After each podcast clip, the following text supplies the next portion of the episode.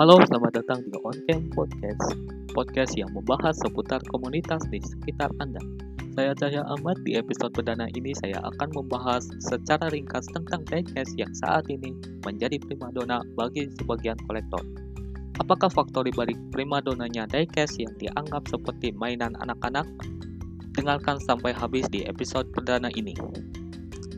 Penggemar diecast mobil di Indonesia terus tumbuh cukup pesat belakangan ini. Hal ini bisa dilihat dari berkembangnya basis-basis komunitas diecast yang terus-menerus menawarkan berbagai model yang melalui berbagai website atau melalui kenalannya di komunitas diecast. Mengapa hal ini bisa berkembang? Karena ada beberapa faktor yang menyebabkan pesatnya penggemar diecast ini. Di antaranya yang pertama adalah dari segi minat.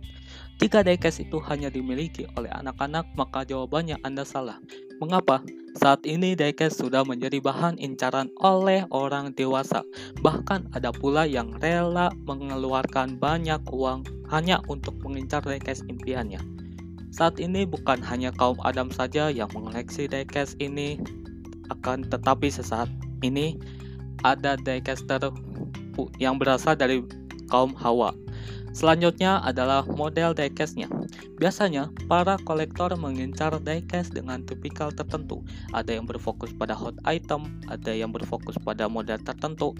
Contohnya seperti Datsun, atau bahkan model-model JDM seperti Nissan, Honda, Toyota, Subaru, Mazda, dan banyak lain.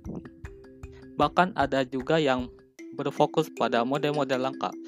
Nah, langka di sini bukan berarti jarang ditemukan atau tidak pernah terjadi sebelumnya.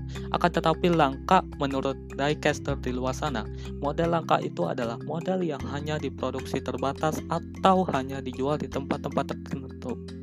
Contohnya seperti di Amerika, hanya ada beberapa model yang hanya dijual di Walmart atau supermarket lainnya di Amerika Serikat. Bahkan ada juga yang diproduksi di saat event-event di waktu tertentu. Contohnya seperti Indonesian Diecast Expo yang diselenggarakan di Jakarta beberapa waktu lalu.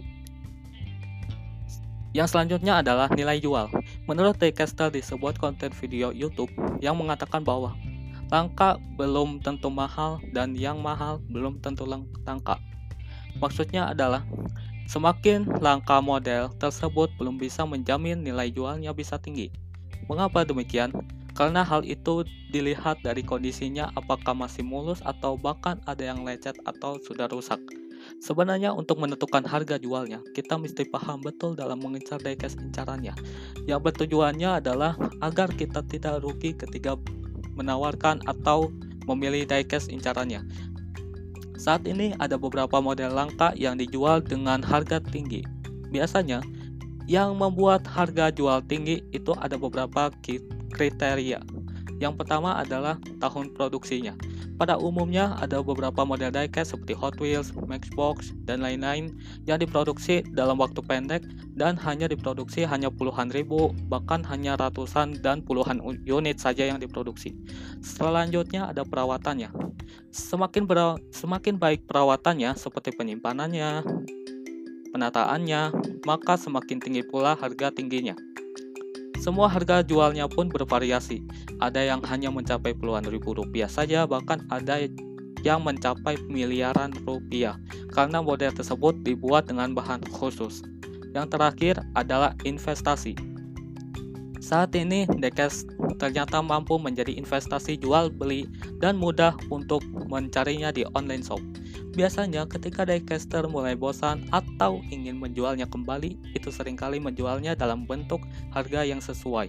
Ada juga yang menjualnya dengan cara dilelang. Biasanya, banyak orang yang memasang bid di harga tertentu. Semakin tinggi bidnya, maka semakin tinggi pula kesempatan untuk mendapatkannya. Terima kasih untuk para pendengar setia yang telah mendengar podcast saya dari awal saya sampai akhir. Semoga Anda semua diberikan kesehatan dan dipanjangkan umurnya. Saya Cahaya Ahmad mohon undur diri terus dengarkan podcast saya sampai jumpa di episode selanjutnya.